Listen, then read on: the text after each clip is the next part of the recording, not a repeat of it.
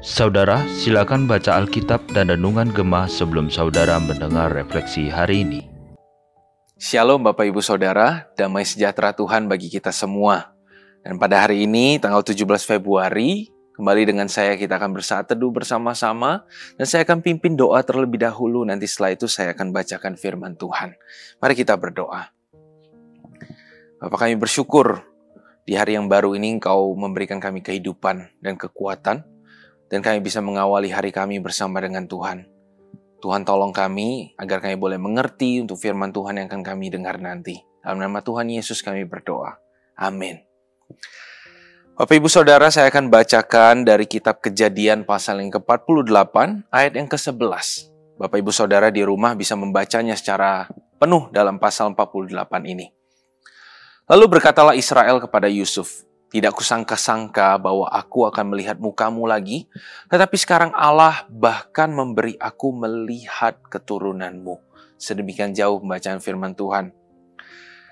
Bapak Ibu Saudara, sejauh saya mengenal orang-orang Chinese di Indonesia, selama saya tinggal menjadi orang Indonesia, khususnya orang Palembang, kebanyakan orang Chinese itu pekerjaannya adalah buka toko, betul?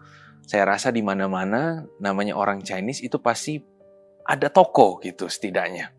Entah itu toko baju, ya, toko sembako, toko emas, toko mebel, toko PS, jual kaset PS sekalipun, toko serba ada sekalipun orang Chinese itu ada. Jadi kalau orang Chinese sama orang Chinese ketemu itu mereka nggak ber, berbicara kamu kerja apa gitu, tapi mereka bahasa itu kamu main apa Artinya kamu tuh main dalam perdagangan apa, jualan apa nih. Nah Bapak Ibu Saudara, terus kalau kita datang ke toko orang Chinese, misalnya saya mau beli kaset PS gitu, di Glodok misalnya. Kok, berapa itu kaset PS-nya? 100 ribu lah untuk kamu. ya. Wah kok bisa kurang nggak dari 100 ribu? Setidaknya koko-koko ini ada dua jawaban. Pertama, aduh nggak bisa loh, dek. Ini udah harga modal. Banyak kan yang jawab kayak gitu ya. Terus yang kedua, ini jawaban favorit. Terus dia bilang, oke okay lah, bisalah kurang. 75 ribu lah buat kamu. Buat kamu kok kasih lebih murah. Wah, waktu kita dengar itu ya, walaupun kita tahu 75 itu 75 ribu itu masih bisa turun lagi harganya. Ya, kita tahu hal itu. Tapi setidaknya dari penurunan harga dari 100 ribu ke 75 ribu itu, kita senang loh. Sebagai pembeli itu kita merasa senang dan kita merasa kita nggak perlu bayar dengan harga yang seharusnya kita bayar dan kita itu menerima kemurahan hati dari koko itu. Ya, koko itu baik sekali. Wah, setelah dari situ kita akan beli di toko itu terus karena kita pikir kita dapat diskon di sana. Nah, Bapak Ibu Saudara, kita ini suka dengan yang murah-murah ya, apa yang lagi yang diskon-diskon gitu. Tapi tahukah kita kita mengenal kemurahan hati itu bukan hanya dari koko-koko di gelodok tapi juga dari Tuhan tentunya. Dari Tuhan kita mengenal apa itu yang namanya kemurahan hati, di mana manusia tidak harus menanggung segala sesuatu yang setimpal dengan perbuatannya. Dari kejadian 48 tadi kita lihat itu akhir hidup Yakub loh. Setelah tidak lama dari pasal 48, Yakub itu meninggal dunia. Dan di ujung hidupnya ini, Yakub menyadari betapa Tuhan itu baik dalam hidup dia. Walaupun memang kita baca dari pasal-pasal sebelumnya, dari kisah kejadian, kehidupan Yakub ini bukan orang yang sempurna. Ada jeleknya juga, ada kelemahannya juga, tetapi apa yang Tuhan kasih kepada dia itu sesuatu yang baik, Bapak Ibu. Dimulai dari kisah Yakub itu mencuri berkat, membohongi Ishak bapaknya dan juga membohongi saudara kembarnya yaitu Esau.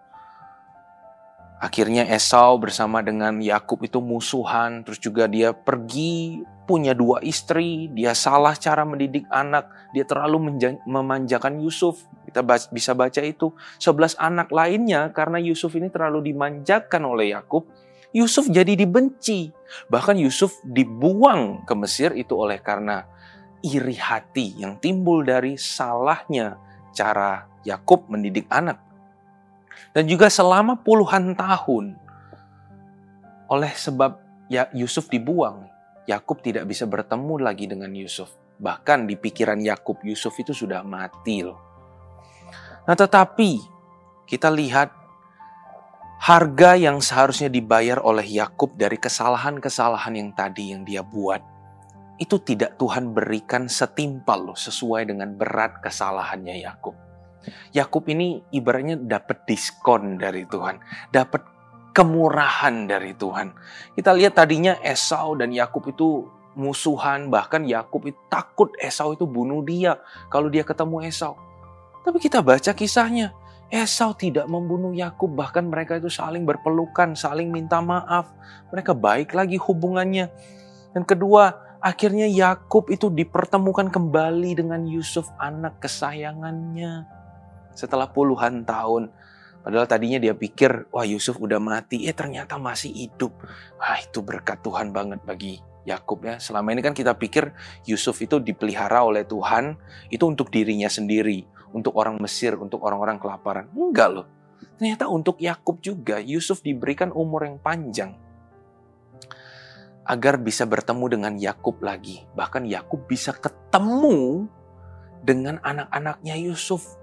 Seorang jadi seorang kakek dia. Bagi sebagian kita yang sudah punya cucu bisa merasakan apa yang saya katakan walaupun saya belum jadi kakek ya.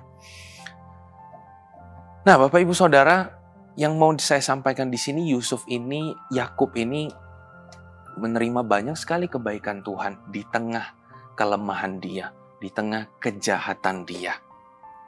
Nah, seperti Yakub, kita ini juga banyak kesalahan, banyak kejahatan. Ya, yang seharusnya karena kejahatan kita itu hidup kita jauh lebih buruk, jauh lebih menderita daripada hari ini. Tetapi sadarkah kita? Di hidup kita itu seolah-olah ada tangan yang terus menjaga kita agar dampak dari kesalahan kita itu tidak menampar kita secara langsung tidak sepenuhnya itu memukuli hidup kita. Betul? Kita pikir dosa dan kejahatan kita itu terlalu besar. Dan dampaknya itu seharusnya tidak sekecil yang sekarang. Harusnya dampaknya itu lebih besar dari apa yang kita terima hari ini.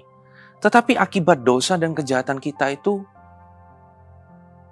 seolah-olah tidak seberat yang seharusnya kita tanggung, ya kan? Di tengah masalah dan penderitaan itu masih ada hal yang baik dan indah yang Tuhan izinkan terjadi. Tuhan masih kasih sesuatu yang baik di tengah hidup kita yang jahat. Dan itulah yang kita kenal sebagai kemurahan Allah di dunia ini.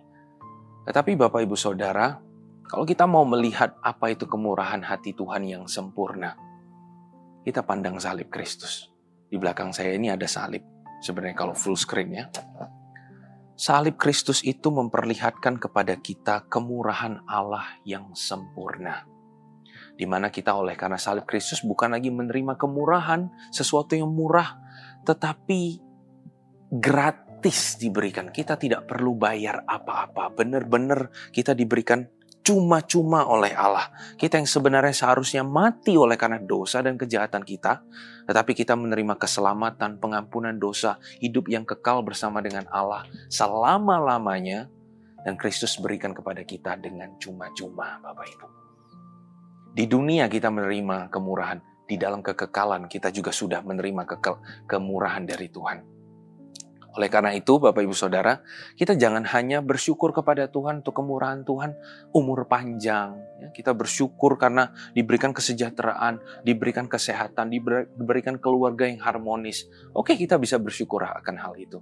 Tetapi jangan lupa, kita juga bersyukur tentang apa yang sudah kita terima di dalam kekekalan, yaitu keselamatan, hidup yang kekal bersama dengan Allah. Amin Bapak Ibu Saudara. Mari kita sama-sama berdoa. Bapak kami bersyukur ketika kami hidup di dunia ini, kami dilindungi dan dijaga oleh Tuhan. Kami dididik oleh Tuhan untuk semakin baik, semakin hari.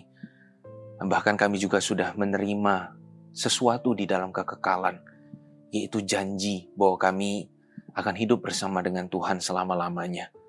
Dan kami percaya kami sudah menerima hal itu. Oleh sebab itu dalam kesempatan ini kami bersyukur Tuhan karena kemurahan-Mu sempurna di dalam hidup kami. Belas kasihanmu sempurna di dalam hidup kami. Apa yang tidak layak kami terima, sudah kami terima dari Tuhan dan Tuhan berikan kepada kami. Thank you Tuhan. Di dalam nama Tuhan Yesus kami berdoa dan kami bersyukur. Amin.